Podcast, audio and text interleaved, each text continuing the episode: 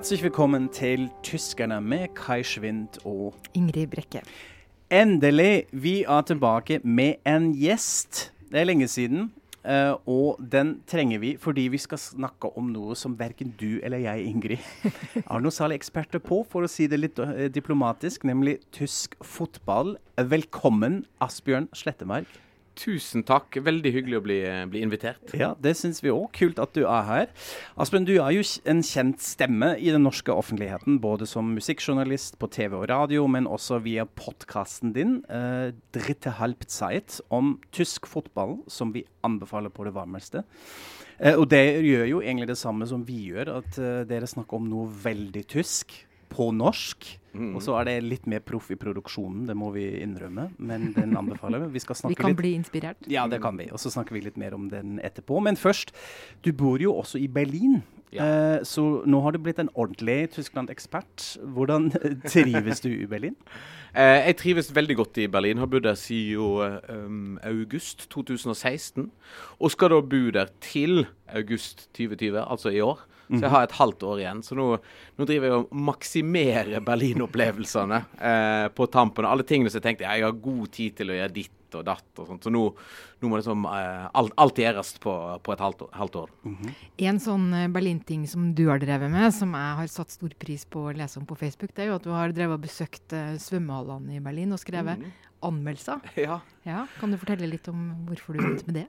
Altså, Vi er en familie som er veldig glad i å bade. Um, og har jo da siden eh, Oskar, eh, vår sønn, ble født, eh, gått på babysvømming og bading, og han elsker det. Det er liksom ordentlig kvalitetstid. Så eh, da vi flytta til Berlin, så var en av tingene som eh, umiddelbart satte veldig stor pris på da vi kom til Berlin, eh, da altså sommeren, høsten 2016, var alle badene. Um, og da i begynnelsen de 22 offentlige utebadene, um, som er enorme, uh, folkelige, store. Alltid åpne gjennom sommeren. For det var en sånn vanvittig varm sommer da vi kom der, mm. så vi besøkte egentlig veldig mange veldig fort. Uh, og så når høsten senker seg, den grå høsten senker seg over Berlins gater, så var det naturlig å trekke inn uh, på da de resterende 38 minutter innebadende.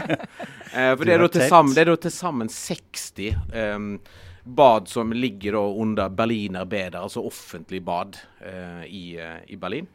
Og så har vi jo da besøkt alle disse her med, med jevne mellomrom og tatt noen liksom, turer rundt om. og, eh, og spesielt utebadene, men òg halvbadene. Um, og så når vi da gikk inn i det siste året vårt på, um, i Berlin, uh, så fant jeg ut at OK, men må jo kunne få sett alle disse badene. Så målet da eh, september begynte i 2019, var at OK, før vi drar hjem, så skal meg og Oskar, og så av, og til min samboer eh, Aslaug er med, em, så skal vi besøke alle 60 offentlige bad. og skrive rapport derfra. Og gi, altså Jeg er jo musikkjournalist, så jeg må jo gi karakter. Ja, ja. Ja, ikke sant? Og er sikkert en ranking òg. Ja, altså det, det, blir, det, blir en, det blir en Ja. rangering til slutt, fra 1 til 60, ja, helt klart. Så vi har vel akkurat nå nettopp vært og besøkt eh, det som jeg eh, har veldig stor tro på at blir det, det aller beste. Da, I hvert fall innebadene. Stadbad Skjøneberg, nyoppussa, flott, eh, okay. flott hall i Skjøneberg. Men kriteriene, hva ser Mm. dere etter? Hvordan legger dere opp disse anmeldelsene? Altså, eh, Selve anmeldelsen, altså karakteren, går jo da ofte på det som de har å by på på innsida. Um, da altså forskjellige typer utvalg i bad. Um, uh, lengden på skliene. Uh, om de har korrekt varme. Uh, Ut ifra hva de har oppgitt på nettsida. er veldig viktig, da. Altså, har du med deg termometer, da? Nei, men, det, jeg, men når, når du når du begynner å nærme deg en sånn 30-40-50 bad, så får du en litt okay. sånn, uh, får du en litt sånn radar på om det er riktig. okay. Men, men, men. Det er en god del tyskere. Jeg ser ofte tyskere som kommer da og, og stikker temperaturmåleren nedi og måler før de går uti. Og hvis det er feil, så går de bort til Bademeister, som er beskytta tittel i Tyskland. Går de bort til Bademeister og ser i dag i dag er det ikke bra nok. Her, her må noen eh, skjerpe seg. Eh, nei, så Det er viktig. men det, som er, det er liksom for, for karakteren og for selve badeopplevelsen. Men det som har vært den store opplevelsen med eh, å dra rundt og besøke disse badene, er jo at eh, vi får besøkt deler av Berlin som vi aldri hadde kommet oss til ellers. For som, som alle som har bodd i Berlin eller vært på besøk i Berlin, vet, så er det jo en gigantisk by. Altså du kan, Hvis du drar helt nedover mot eh, altså, Lengst ned mot Zelendorf og skal sykle opp til Marzahn, så kan du fort sykle et par mil. Mm. Altså Det er veldig stort. Så, så gjennom da å dra i alle disse badene, så har vi fått sett områder, eh, bydeler, nabolag eh, som eh, ellers ikke hadde sett. Prøve å legge inn selvfølgelig en, en Jeg må jo ha mat etter bading. Prøve å legge inn en, eh, en lunsj eller middagstopp. Ja, of, of, det blir ofte pommes, da. Yeah. Eh, men så Da får vi sjekke litt lokale restauranter. Og så ofte sykler vi da til eh, Vi har en sånn kassesykkel som vi sykler til badene. Så da får vi liksom sett, sett hvordan byen henger sammen. Yeah. Eller altså Berlin er jo altså, Det ble vel slått sammen Det var en sånn byreform i jeg tror 1920 eller 1922 der altså Spanda og Charlottenburg og alle disse gamle byene ble jo da først innlemma i Berlin. Og da merker du veldig når du sykler mot utkantene at dette er jo egentlig ikke en by. Det er jo veldig mange byer som bare gror sammen på Ja. et eller annet vis. Ja. Hvordan er det med folk? Hva slags folk går eh, og bader? Er det alle? Ja, Ja. det gjør absolutt alle. Um, og det er jo òg en ting som jeg setter veldig stor pris på med den her, eh, da, å dra rundt i, i forskjellige bad i, um, i Berlin. At du treffer den der ordentlige tyske badekulturen. altså Rett og slett folkehelsen. Altså Folk er der ute, og noen i de mest sånn proff, proffe hallene, da, um, sånn som den som er borte med, med Velodrom, som ble bygd til et VM. det er vel På et tidspunkt var det vel eh, Europas største badeområde. sånn proffe bade-svømmeområde. Der svømmer de eh, liksom proffe og semiproffe med tribuner og sånt. Men så rundt om så er det jo alt ifra nyankomne innvandrere til guttegjenger og til gamle pensjonister. Tyske pensjonister er veldig glad i å eh, bade. Hvis, hvis en er litt gammel, så kan jeg for øvrig anbefale Stadbad Lankwitz. Langt nede i sør. For dette, der er det så masse pensjonister, tror jeg. Dette er min teori, da, i Lankwitz. At der kjører de opp temperaturen kontra, kontra angitt eh, temperatur. Ok. Eh, og som òg er en litt sånn rar tysker. Jeg bruker litt ekstra strøm. Eh, det er litt sånn uh, uventa. Eh, nei, så det er, det er sånn jeg, jeg føler virkelig at jeg treffer folkelivet eh, når jeg er ute og, og bader. Så det er veldig, veldig trivelig. Mm. Men nå må vi snakke om tysk fotball. Eh, mitt inntrykk er jo da jeg først kom hit, eh, at man egentlig ikke var så opptatt eh, av tysk fotball i Norge. At det var litt sånn etter VM i 2006, sommermekjen, at man plutselig begynner å bli litt interessert. Først var det mye Premier League og alle de andre, men nå har, man, har jeg liksom flere samtaler om folk som følger med med Bundesliga. Hvordan var det for deg? Hva har vekket din interesse? Hvordan kom du deg inn i dette? Altså, jeg er jo altså, genuint fotballinteressert fra barndommen av. Altså spilt fotball, uh, gått på Brann stadion, uh, og som uh, alle gode unge nordmenn, så har jeg jo vokst opp med Premier League og med engelsk fotball, og vært som veldig seriøs eh, tilhenger, supporter av Manchester United eh, og engelsk fotball eh, generelt. Eh, men jeg visste jo da vi flytta til Tyskland at jeg kom til å bruke en del tid på tyske tribuner. At jeg altså når jeg først bor i en by med på, altså på det tidspunktet ett Bundesliga-lag, så er det naturlig å gå og se Bundesliga. Mm. det er jo en av de sånn, fem store ligaene i, i europeisk fotball, sammen med da England, Italia, Frankrike og Spania. Og så tenkte jeg òg at det er en fin måte å få, få, og liksom få sett litt av byen på. Da. Gå rundt og, og se noen gamle historiske stadioner, det som står igjen og ikke ble, ble, ble bomba. Og, og sånn kanskje reise litt rundt i landet. Men det jeg ikke var forberedt på, var at jeg skulle bli så hodestups forelska i tysk fotball, tysk fotballhistorie og ikke minst tysk tribunekultur. eh, som for meg altså, Grunnen til at, jeg, at det har stukket så djupt, er at jeg tror at tysk fotball eh, og tysk tribunekultur, sånn som jeg har blitt møtt med, altså sånn som jeg har møtt det i Tyskland, da er det jeg vokste opp med at fotballkultur skulle være. Når jeg leste historier om hvordan det var å gå på, på engelske kamper på 70-tallet og på 80-tallet, sånn er det nå å gå på, um, på tysk fotball. Og da er jo en, det er selvfølgelig et nostalgisk element av det, men samtidig så føles det som et um, en veldig fin uh, måte, en, en avstikker fra den corporate fotballkulturen uh, og den måte, sportsvaskingen som har skjedd i de andre ligaene, der egentlig bare gigantiske firma og oljesjeiker kjøpe opp og ødelegge fotballklubber. Men det er det som er grunnen, tenker du, til, til at uh, kulturen på fotballtribunene er så annerledes i Tyskland? Det handler om disse eierskapsstrukturene og, altså, alt, og sånn? Ja, altså, det, du kan si det, det, er to ting, men alt henger jo sammen med alt. Og, Men den aller viktigste delen, og dette er sånn, blir litt teknisk, men skal prøve å forklare det enkelt. at Tysk, uh, tyske fotballklubber har en veldig streng regel som heter 50 pluss 1-regelen. Og Det betyr at uh, en klubb skal eie seg sjøl 50 pluss ei stemme. Uh, så du kan få inn investorer som kan da kjøpe opp 49,99% av stemmene. Mm. Men det er ikke lov for deg å kjøpe um, et, et overtall av stemmene. Tyske klubber skal være medlemseid. Ergo skal de medlemmene òg ha medbestemmelsesrett osv. Dette fører jo til ting som at billettprisene er kjempelave. Jeg betaler nå for mitt sesongkort i Bundesliga på Olympiastadion med Hertha Berlin, som er mitt lag, så betaler jeg rett under 200 euro. Altså litt over 100 kroner per kamp. Mm. Um, tror, tror billigste sesongkortet hos en, en tysk Eller hos en engelsk klubb ligger kanskje på 1000 euro. Ja. Altså, så det, altså det, er markante forskjeller. Store forskjeller ja. mm. Og dette fører jo òg igjen til at tysk fotball blir folkesporten. For tyske klubber, altså i hvert fall fansen ser på de tyske klubbene som noe som er innvevd i samfunnet.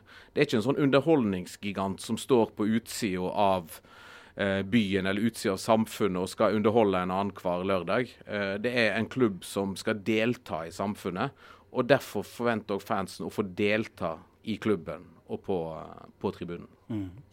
La oss snakke litt om, om klubbene selv. Du nevnte mm. Herta som uh, ditt lag. Hvordan funker det som innvandrer? Hvordan velger man sitt lag? Det er jo masse sånn legender rundt dette, og tradisjon og sånn, og var av et personlig lag. Hvordan gjorde du det? Altså For meg ble det helt naturlig. Altså med, Da vi flytta til Berlin, så flytta vi og litt tilfeldig til Schøneberg eh, i gamle Vest-Berlin. Altså den gamle bohemske eh, bydelen i i vest, da, da byen var fremdeles fordelt. Og så flytta vi senere til Charlottenburg, som er jo hjertet av Vest-Berlin. Um, og da begynte jeg å gå på Hertha Berlin-kamper. Olympiastadion ligger noen S-banestopp vestover. Um, ute ut forbi Vestend. Um, og da, på dette tidspunktet, så var det òg hyggelig at det var to nordmenn som spilte, som fremdeles spiller på Hertha Berlin. Eh, landslagskeeper Jone Jarstein og, og Per Siljan Skjelbred. Som begge da egentlig levde litt sånn anonym tilværelse i, i, tysk fotball. Fått mer anerkjennelse etterpå. Men da føltes det bare rett, da. Mm -hmm. Å komme der og se en sånn litt strengt tatt middelmådig klubb som aldri har vunnet noe som helst. ja. Som spiller på en stadion som er altfor stor, ja. eh, og som er Tysklands, eh, regner som Tysklands kaldeste stadion. Du må, alltid, du må alltid dra av sju grader på værmeldingen når du skal kle deg for Olympiastadion. Eh, men det er et eller annet med Eh, for min del også eh, var Olympiastadion en, en stor opplevelse. Ja. For alle fotballfans hater jo fotballstadioner som har løpebane rundt. For da er det ikke en fotballstadion. Da er det en friidrettsstadion. Mens Olympiastadion, når du kommer inn der, så tenker du OK, du går opp Jesse Owens allé. Så kommer du inn der, så ser du da banen der Jesse Owens drog av 100 meter foran en rasende Adolf Hitler. Mm. Tok med seg OL-gull etter OL-gull foran føreren som skulle som feira det ariske menneskets mm. eh, store seier. Um, og så har du da Zinedine Zidane i VM-finalen i 2006, når han skalla, ned eh, sin italienske motstander. Gikk inn i garderoben og sparka ned døra. Etter hvert Ingebrigtsen-brødrene sine store seire der. Det er sånn, mm. Du kjenner den storheten når du kommer inn på Olympiastadion. Den ja. kjente jeg umiddelbart at jeg, at jeg hadde lyst til å være en del av. Mm, ja. Men er det sånn at, at, klubben og fansen og sånn forholder seg veldig sterkt til denne historien? Mm, altså, jeg, nå er det jo sånn at Hertha Berlin har jo vært såpass lenge på Olympiastadion at den, for både fansen spesielt, men òg klubben, så føles det som hjemmebane. De føler seg nok like masse hjemme på Olympiastadion, mange, som mytologien og historiene om Jesse Owens. At de føler at de er en del um, av det. Um, og jeg som da måtte Herta-supporter og sesongkortholder nå i noen år, så må jeg innrømme at jeg det, Du vet sånne historiske plasser som du besøker ofte. på, på, et eller annet tidspunkt så mister de sin wow-faktor. At de blir bare en del av rutinen din, av hverdagen. nå. Men jeg merker fremdeles når jeg går inn på Olympiastadion, så får jeg et sug i magen. Mm. Både fordi jeg vet at nå skal jeg oppleve et eller annet. Sannsynligvis så skal jeg bli skuffa og sint og sur. da. Men jeg skal liksom oppleve sport på Olympiastadion, og det føles veldig riktig. Mm. Uh, du skrev en veldig fin reportasje om uh, hjemmeklubben min, hvis jeg kan mm. si det, om Eintracht Frankfurt. Og da må jeg også si at jeg egentlig ikke var noe særlig interessert i fotball før jeg flyttet hit til Norge. For meg har det også vært en sånn slags merkelig identitetsmarkør at jeg plutselig begynte å følge Bundesliga, og hvordan klarer Eintracht seg? Og så, så, veldig, ja, jeg liker å høre på Bundesliga-konferanse som en sånn radiokonferanseprogram på lørdag og sånn. Målshow kaller vi det på norsk. Målshow, Målshow. takk. Oh, det er et kjempebra ord. Mm. Veldig bra. Målshow har jeg lært nå. Uh, hva er det med Eintracht Frankfurt som er litt spesielt? Det virker jo som du er litt betatt av, av dem òg? Ja, altså jeg, jeg sier jo at jeg er dypt, dypt forelska i Bundesliga og har jo et uh, et inngått et slags ekteskap med Hertha Berlin. Men jeg kaster noen blikk på, eh, på Eintracht Frankfurt i ny og ne. Da, da, må sies. Vi var og besøkte de sammen med altså oss tre i podkasten og Dritte Hapzeit. Tok oss ei helg i Frankfurt eh, i fjor eh, for å spille inn episode. Eh, og, men mest av alt bare for å oppleve, være nært på Eintracht Frankfurt ei helg. Som fotballby Um, og liksom opplever fansen der. Og Eintracht Frankfurt er en interessant by, for det er jo en, en slags Altså det er jo en storhet i sånn, det som en kaller for tradisjonsverein mm -hmm. i, uh, i, Tyskland, som er veldig viktig distinksjon mellom tradisjonsverein, eh, som altså Bayern München, Hertha Berlin, de lagene som var med og starta Bundesliga. og Eh, når var det, da? Altså, Hvor gamle er de da? de er... Nei, altså, Du bør nok helst, du bør helst kunne spore historien din tilbake til så 1920, 1910. bakover der. Hvis du er 1910, da er du relativt ung klubb. da. Eh, sånn som f.eks. Hamburg eh, Sportsverein er fra 1887, mens konkurrenten er fra St. Pauli er fra 1910. Så det tenker jeg at, at St. Pauli er liksom fremdeles en liten, liten uh, jentunge, da. um, det er en viktig distinksjon mellom tradisjonsferien og de nye klubbene, som er på en måte konstruksjoner som er det Hoffenheim, som er bygd opp av Dietmar Hopp, eieren av SAP, det store teknologifirmaet. Um, og så har du Wolfsburg, som er bygd opp av Volkswagen i nyere tid. Og selvfølgelig, da, altså den store djevelen i rommet, Rasenballsport Leipzig, som er bygd opp av Red Bull. Ja. Men uansett, Eintracht Frankfurt tilhører ikke Altså, de tilhører disse tradisjonsklubbene, men aldri vært store giganter som Nürnberg, Schalke, Bayern München, Borussia München, Gladbach, som er de, de store. Men samtidig så er det en klubb som eh, sånn eh, lokalt og kulturelt og sosialt er en veldig, veldig viktig klubb. Og kanskje spesielt i nyere tid uh, har blitt det. Har en sånn fanbase som er Altså, du kan vel si at de er nesten aktivister, altså politisk. Og en, en klubbdirektør, Peter Fischer, som har gått ut og sagt at har du stemt på eller er du medlem av AFD, så er ikke du velkommen her. For det er ikke, det er ikke forenlig med de tingene som denne mm. klubben står for. Og fikk jo veldig masse kritikk for det, mm. um, selvfølgelig.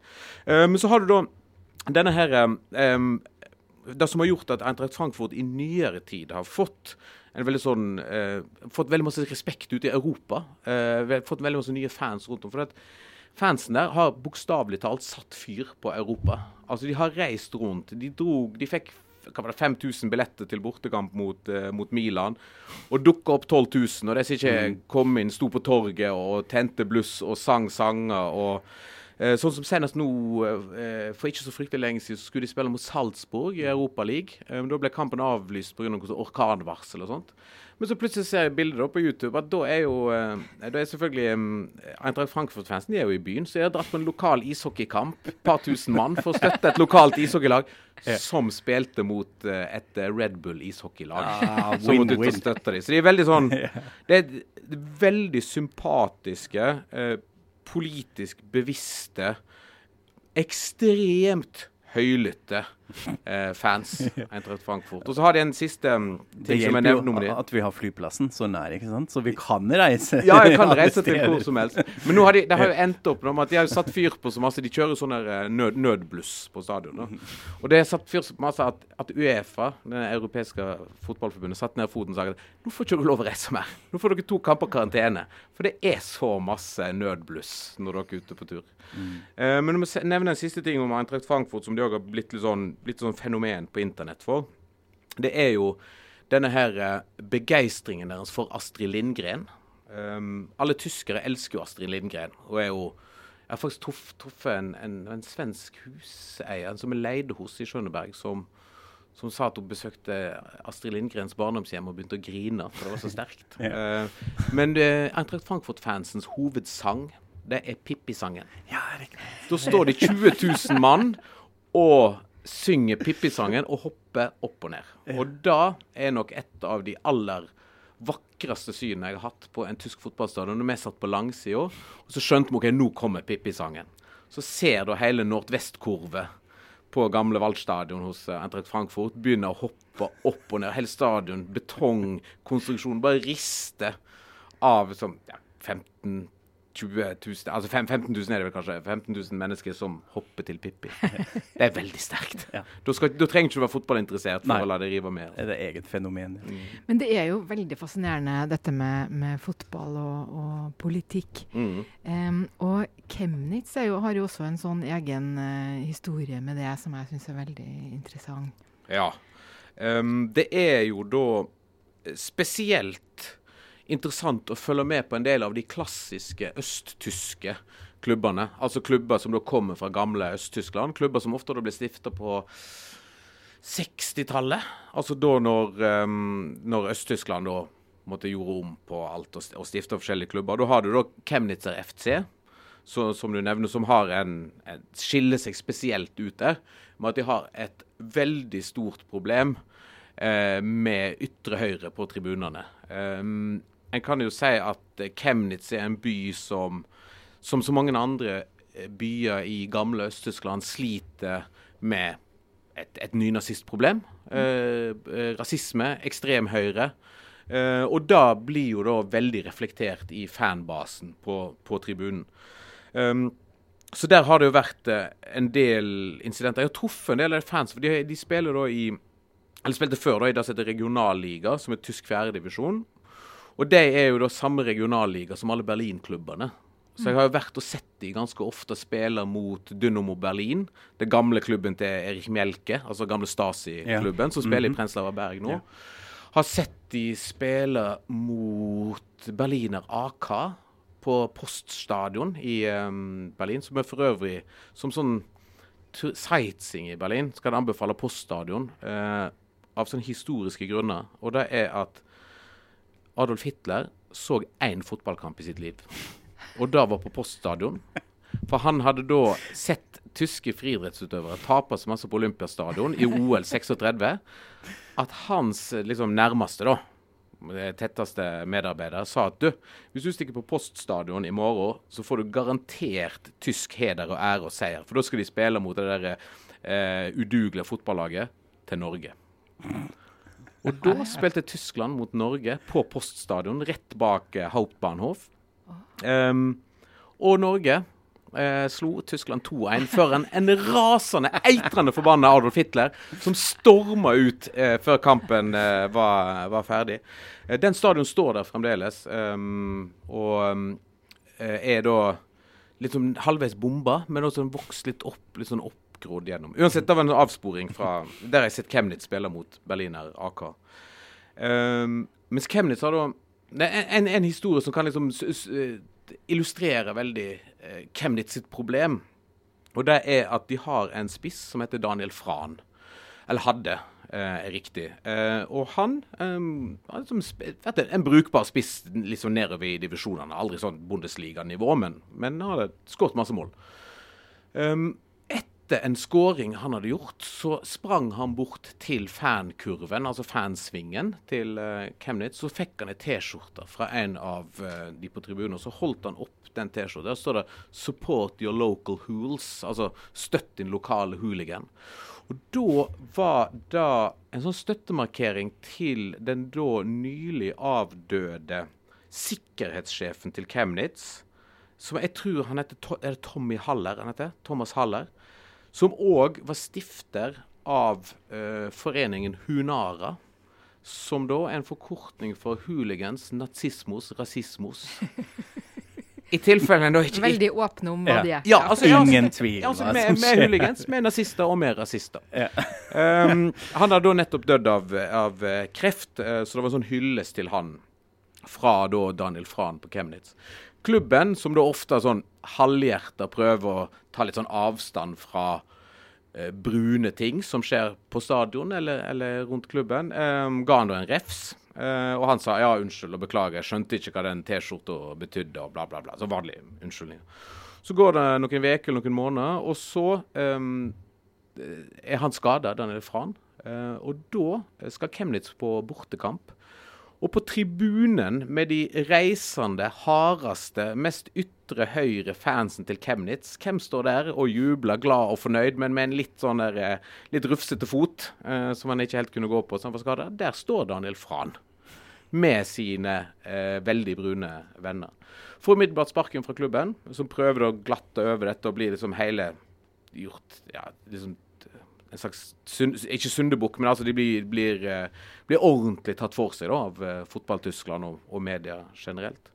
Og Det interessante her er jo at Daniel Fran han, han, drog, han ble så arbeidsledig, men så endte han plutselig opp i motstykket til Chemnitz, som er en av mine favorittklubber som ligger sør for Berlin, Babelsberg 03, som er så eh, langt ute på venstrekanten at de får andre venstreklubber som St. Pauli til å fremstå som Senterpartiet. altså det er så, de, de ga vekk reklameplassen sin eh, til C-Brygge, den organisasjonen som plukker opp flyktninger i, eh, i Middelhavet. Um, der skulle plutselig Daniel Fran stå foran denne fansen. Og det ble et så vanvittig sirkus. Uh, og det endte opp med at Daniel Fran han måtte da møte i en gymsal i Babelsberg. Eh, foran alle fansen og sa at ja, men jeg, skal, jeg må forklare meg, dere kan få stille meg hva spørsmål dere vil. og ja, og så, for du, du kan ikke holde på sånn politisk i tysk fotball uten å måtte svare for deg. Ja. Men så er det ikke bare i øst eh, hvor man er ganske politisk. Eh, var det ikke sånn at Nürnberg hadde eh, noe å si om Peter Handke Ja. nylig også? Ja, Det er, min, det er kanskje min, eh, min favoritthistorie fra denne sesongen i tysk fotball. Um, altså, Nürnberg, som er jo da eh, den ordentlige tradisjonsklubben i Tyskland eh, altså, De var Bayern München før Bayern München. Eh, de ble jo bare kalt for Klubben. Mm -hmm, yeah. det var liksom kallenavn ja. deres. For det var bare en klubb i Tyskland på 20-tallet. Nürnberg. De har veldig masse kule, aktive fans, um, som da har tatt den her tyske bannerkulturen på alvor. For på tyske fotballstadioner, der er det um, Altså, det, det går sport i å ha forskjellige typer banner. Og da er det ikke bare sånn ett slagord. Det er ofte litt sånne resonnement og lange setninger. Altså ordentlig tysk, selvfølgelig. Ja, ja. Eh, og så var det sånn at da når Peter Hanke vant eh, Nobelprisen, så var det jo da i det tyske samfunnet generelt, og på forsiden av avisen og, og overalt, så var det veldig masse kritikk mot han pga. hans da lefling med serbiske statsledere under altså borgerkrigen, altså tidlig 90-tall, og hele den historien som vi kjenner fra, fra norsk offentlighet. Eh, men så er det jo sånn da at disse Nürnberg-fansene de er jo ikke noen fans av en fyr som lefler med folkemord. Eh, og så Dette skulle de gi uttrykk for. Og så er det sånn at eh, Peter Hanke, en av hans gjennombruddstekster, er et dikt fra Jeg tror det er fra, er det fra 71, altså tidlig 70-tall, som heter da 'Lagoppstillingen til Nürnberg'. Eh, og så er det da Diktet er lagoppstillingen til Nürnberg for en kamp fra jeg tror det er sent 60-tall. Um, men det som Nürnberg, eh, smarte Nürnberg-fans har funnet ut, er at det diktet med den lagoppstillingen, det har han henta fra kamprapporter som har stått i avisene, der det har stått en feil. Så det er da eh, Peter Hanke har da fått sitt mest berømte dikt. Der er det feil. Så da står det da dette banneret etter Peter Hanke vinner nobelprisen, står det over hele liksom, fankurven, fansvingen til Nürnberg, så står det da Peter Hanke, ikke engang lagoppstillingen til Nürnberg klarer du å gjøre riktig. Det har han fått uh, beskjed derfra. Ja, ja. Uh, veldig gøy. Veldig bra. Eh, utrolig spennende og morsomt. Jeg kjenner hvor glad jeg blir i Tyskland når du snakker om dette. Altså.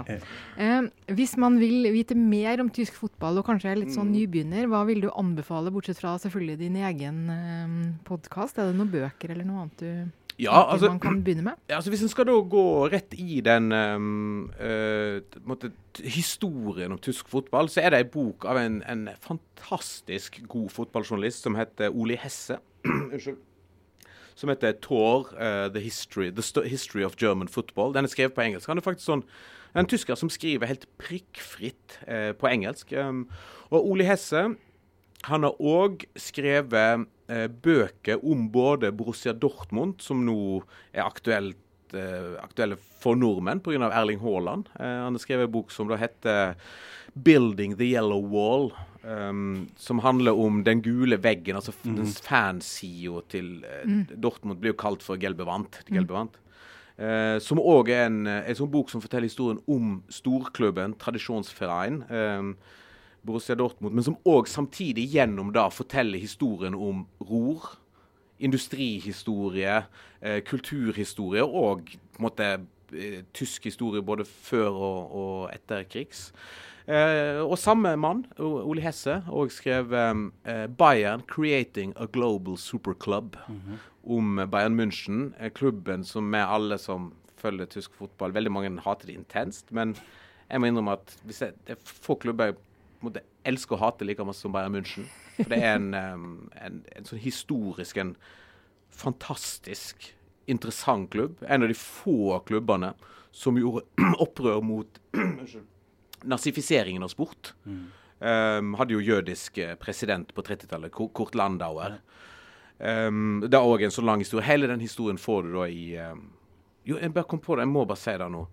Bern München under andre verdenskrig så var det noen av Det var, var kona til klubbdirektøren som fant ut at når eh, Det gikk en sånn, en, eh, sånn slags ordre om at alle institusjoner og ja, klubber og alt i Tyskland skulle levere inn type gull og um, type forskjellig material for at det skulle smeltes om og brukes til, til krigsting. da.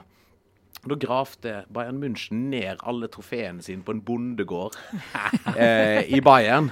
Eh, for de, eh, dette her det skulle i hvert fall ikke nazistene tak i. Sånne historier finner du da i den boka. Ja. Og så må jeg få anbefale en siste. Nå er faktisk slår meg at alle de tre som jeg har anbefalt nå, er på engelsk. Men den, den her fins òg på tysk. Da. den heter Robert Enke, 'A Life Too Short'. Som er historien om den tyske landslagskeeperen Robert, en Robert Enke som tok sitt eget liv i 2009. Som er en så veldig kjent historie fra fotballen eh, med eh, altså en talentfull eh, fotballspiller som endte så dypt ned i depresjon at han tok sitt eget liv i, i 2009. Da var han jo landslagskeeper. Eh, men som er en av de, en av de skjebnene som har satt litt sånn lys på eh, dette med altså depresjon er noe som kan treffe alle, og som kan nå de største suksessrike menneskene. Og spesielt i sport, hvor det ikke er, Ja. det er ikke akseptert å snakke om sånne ting. Det er ikke akseptert å snakke om at du tviler på deg sjøl når du hver lørdag skal levere foran 50 000 mennesker. Dette er jo historien om Robert Enke Ja. og hans liv, som en av de, er de, faktisk er de fineste bøkene jeg har lest om tysk eh, samfunn og kultur. Det er veldig interessant å høre, fordi jeg husker det veldig godt. At det Mm. betydde masse at man fant ut hva egentlig sto bak det. Nettopp som du sa, at det er så Mm. mye press i fotball, men også generelt at depresjon er en Mm. sykdom, og at også de mest suksessrike skal få det. Mye mer av dette kan man høre også med podkasten din, Drette Halbzeit. Vi må nevne eh, dette igjen. Vi må straks runde av, men først må vi snakke om ord, ikke sant? Ja, det må vi jo, fordi at eh, vi ber jo alltid gjesten vår om å ta med seg noen ord eh, som eh, vedkommende setter ekstra pris på, eller syns er morsomme eller rare, eller noe sånt. Og du, Asbjørn, har tatt med deg ord. Ja. et som er litt sånn fotball, og et som ikke er det. Ja. Vi begynner med fotball. ja, ja, det kan vi godt gjøre. Vi kan begynne med fotball. Um, et ord Altså, for jeg snakker sånn Jeg snakker helt OK tysk. Um, jeg forstår ganske bra tysk, uh, og jeg les, leser etter hvert uh, altså brukbart pluss. Uh, men jeg har fremdeles et sånt forhold til tysk at jeg syns noen ord høres veldig morsomme ut. Litt sånn Donald-aktig. At, at ord, noen ord høres ut som tulleord. Ja, ja, ja. Um, og dette ordet her er et sånt ord. Da, som jeg sånn kunne ha funnet på hvis jeg sjøl skulle lagd en pa slags parodi eh, eller en hyllest til et tysk ord. Og det er übergeschnappt. Som Veldig fint eh, med den stemmen òg, hvis du gjør det. Litt høyere stemme. det Übergeschnappt. Ja. Det er så vakkert. Og det, det er sånn ord som første gang jeg hørte det, så det var jo en helt spesiell kontekst. Så har jeg bare helt forelska meg i det ordet. Det er sånn gjerne hvis jeg, altså hvis, hvis jeg har sittet på som eh, Momsen Eck da, på lokale kneiper på, på fredags ettermiddagen og, og, og vært på litt stamtisj og sånt, så er det sånn at fort da kan jeg, da kan jeg begynne å dra det her sitatene, for det er liksom de gøyeste sitatene jeg kan på tysk. da. Um, Det er um, et sitat som stammer fra 1954. Uh, Übergeschnappt, altså Überschnappen. Uh, det betyr jo å overklikke. Å være så begeistra og så glad at du liksom mister alle hemninger. At du, at du overklikker. Ich bin übergeschnappt. Uh, sant? Og um, dette kommer da fra en kar som heter er Her, Herbert, Herbert Zimmermann heter han. Som er Tysklands Bjørge Lillelien. Eller det vil si han var. For han kommenterte da um, VM-finalen i 1954, uh, da Tyskland uh, rett før slutt skårte 3-2-målet mot storfavoritten Ungarn. Og dette var jo da, altså var i 54. Det var ikke noe stor tro på dette tyske landslaget. Det var litt sånn sammenraska lag av litt sånn gamle storheter og noe, noe, nesten noe sånn fy- fylliker fra hjørnet. da. Eh, og ja, eh, Ingen hadde noe forventning, men de samla seg sammen og klarte da å slå Ungarn, som var jo 50-tallets beste lag. Das Wunder von Bern. Ja, 'Mirakelet i Bern'. Eh, som da, da har blitt lagt film av og musikal av i, i senere tid. Um, og når da eh, Helmut Rahn skårer på tampen av kampen, så mister da Herbert Zimmermann fullstendig eh, fatningen. Han var en sånn på en måte, sindig, men entusiastisk tysk kommentator. Og da, eh, da sier han, da skal vi se her 3 zu 2 für Deutschland. Fünf Minuten vor dem Spielende. Halten Sie mich für verrückt. Halten Sie mich für übergeschnappt. og så kom en sånn lang monolog om at til og med folk som er drittlei av fotball, må skjønne at de må ha et hjerte for Ja. denne sporten og det mirakelet som har skjedd nå. Og, så. Ja. og akkurat den eh, den remsa hans der er jo blitt det som eh, det som eh, Bjørg Lilliens kommentar i Englandskampen eh, var, altså Winston Churchill, 'Can you hear me?' Eh, og faktisk, når du kjører inn til Essen, der som Helmut Rahn er fra, så står det på hver bru så står det én setning fra det sitatet. Det står på ei bro da 'Halten Sie mich für verrückt'. Og så, og så er det 'Ran muss schießen', 'Ran schieß', tå'. Alt det står på bruene innover mot Essen. veldig. Fram til du kommer fram til staten. Og den er så kjent bestemora mi, eller besteforeldrene, hadde denne reportasjen, eller det, det som Zimmermann sa, som vinyl, på vinylplate. Ja, den var på topplisten i Ja. Tyskland. Ja, ja, ja, selvfølgelig. Du finner den i alle tyske bruktbutikker nå. Ja, Fantastisk. Det er do dobbel vinyl. Ja, absolutt. Og så Andre ordet? har du med deg en ting til, Ja. som er ja, nesten en slags motsetning, kan man kanskje si. Ja, nå skal vi til det moderne Tyskland, som jeg òg er veldig glad i. For jeg Altså, av de tingene jeg har brukt som for å integrere meg sjøl i i Tyskland så er det jo fotball eh, i hovedsak, og så da gå ut og bade med folket, selvfølgelig. Men så eh, gjør jeg jo da som alle tyske 17-åringer, jeg hører på gangsterrap. Hører på eh, tyske rappere som er hardere, mer kompromissløse eh, og viser mer fing til samfunnet enn rappere gjør i de fleste land. Og det sier jeg ganske masse. Det er litt, så, litt sånn typisk tysk, da. Skal en gjøre noe, skal en gjøre det skikkelig, så kompromissløst. Altså, er du autonom, så er du ordentlig autonom. Eh, når du okkuperer Råteflåra i, i Hamburg. Eh, og dette er jo et sitat fra Jeg har faktisk en T-skjorte på meg i dag. Eller genser, nå. Ein 87 strassenbande. Ja. Det er et sånn rap-crew fra Hamburg. um, og det er en eh, rapper som heter Jesus. Han snakker om hint, å sitte hinter schwedischen gardinen. og sitter bak svenske gardiner. Som Første gang jeg hørte det, så er det sånn OK, men du er liksom den hardeste rapperen i, i byen. Uh, hva, hva, er greien? Hvorfor synger du om svenske gardiner? Hva er det Ikea-ting? Han snakker òg ofte om om å ha så masse penger at han har Batsen in Ikea-tasjen. Så han må ha de store Ikea-posene for å bære alle pengene sine. Så jeg tenkte kanskje det var et eller annet sånn interiørgreie, men nei da. Um, han, det er faktisk et sitat fra han, da. Guck, ich bin frei heute, leg mich auf die Wiese. Morgen drehe ich Zise hinter schwedischen Gardinen. I morgen ruller jeg eh, sigarettene mine bak svenske gardiner. Og det er da i, På 1800-tallet um, så ble sven, nei, tyske fengsel eh, bygd av stål og aluminium fra Sverige. Så gitterne i tyske fengsel, de er da svenske. Og når du da sitter bak svenske gardiner, da er du du er i buret, du er i spjælet, bak murene. Altså Det er ordentlig sånn Olsenbanden-aktig yeah. uttrykk, da, som jeg syns er så utrolig fint. Ja, veldig bra. Og så trodde jeg at det var veldig sånn gateslang, men det er jo da Jeg fant ut nå i dag at første gang jeg registrerte i tyske ordbøker i 1906. Så dette er egentlig veldig gammel, ærverdig gatetysk. Ja, Men ble brukt masse. Dette er et sånn veldig kjent uttrykk. Asbjørn, helt fantastisk. Jeg har både lyst til å følge med Bundesliga og høre på tysk gangsterrap. Mm. Uh, tusen takk at du var med. Uh, hør, alle, alle må høre på podkasten mm. uh, om man er interessert i fotball eller ikke.